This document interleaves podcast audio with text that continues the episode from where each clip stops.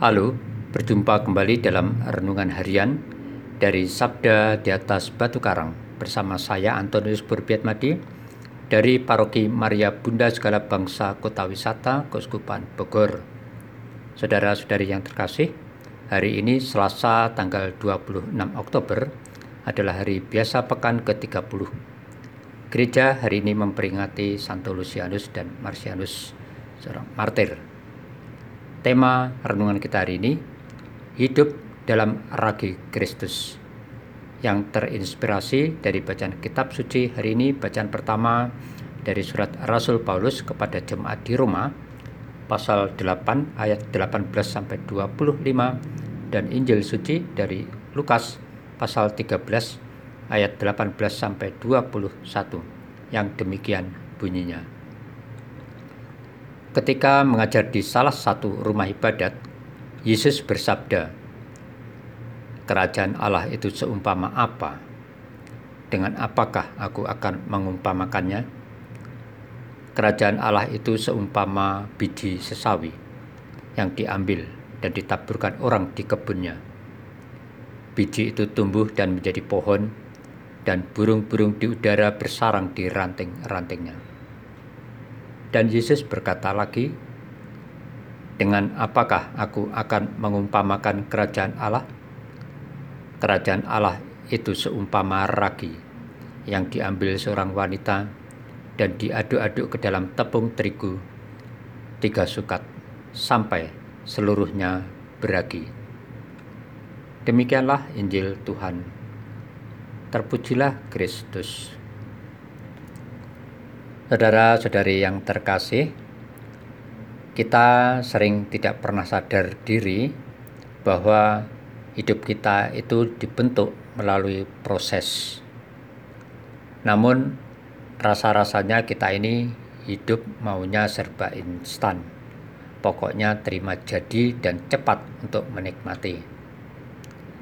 Kita enggan atau menghindari hal-hal yang sifatnya proses karena terlalu lama, butuh kesabaran, dan kadang sikap keyakinan akan hasil proses itu. Jika kita memiliki pola pikir yang demikian, apakah hal itu juga berlaku untuk kita dalam sikap hidup beriman kita? Saudara-saudari yang terkasih, dalam bacaan Injil pada hari ini, Yesus mengajak kita untuk hidup beriman secara benar melalui suatu proses tanda petik peragian.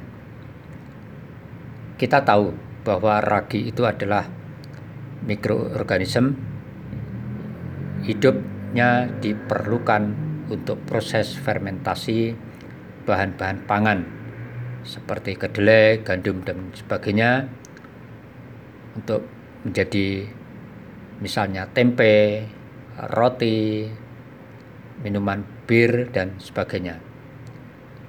Dalam perumpamaannya tentang ragi itu, secara tersirat Yesus menjelaskan bahwa ragi, tentu ragi yang baik, itu memiliki daya tumbuh dan bekerja secara diam-diam, namun memiliki kemampuan membentuk atau membuat tepung itu kamir kalau tepung yang sudah diragi itu menjadi adonan yang kamir, maka selanjutnya adonan itu siap menjadi roti. Saudara-saudari yang terkasih, apa yang diajarkan Yesus pada hari ini adalah bahwa selama di dunia ini kita hidup tidak hanya untuk keperluan duniawi saja, tetapi diharapkannya juga untuk menjadi bagian dari kerajaan Allah hidup masa depan kita nantinya. Agar kita bisa menjadi bagian dari kerajaan Allah, maka kita harus mengalami proses peragian yang benar, yaitu dicampurkan dan disatukan dengan diri Yesus Sang Sabda Allah itu sendiri. Nah, bagaimana dengan kenyataan hidup kita selama ini? Adakah kita sering menyatukan diri dengan Tuhan entah lewat doa, meditasi, mendalami kitab suci atau perbuatan amal baik atau justru kita ini sering bercampurkan dengan ragi-ragi yang jelek yang membuat hidup kita dalam keberdosaan atau tidak selaras dengan apa yang dikendaki oleh Allah. Mari kita hidup bersatu dalam ragi Kristus agar kelak kita menjadi anggota kerajaan Allah.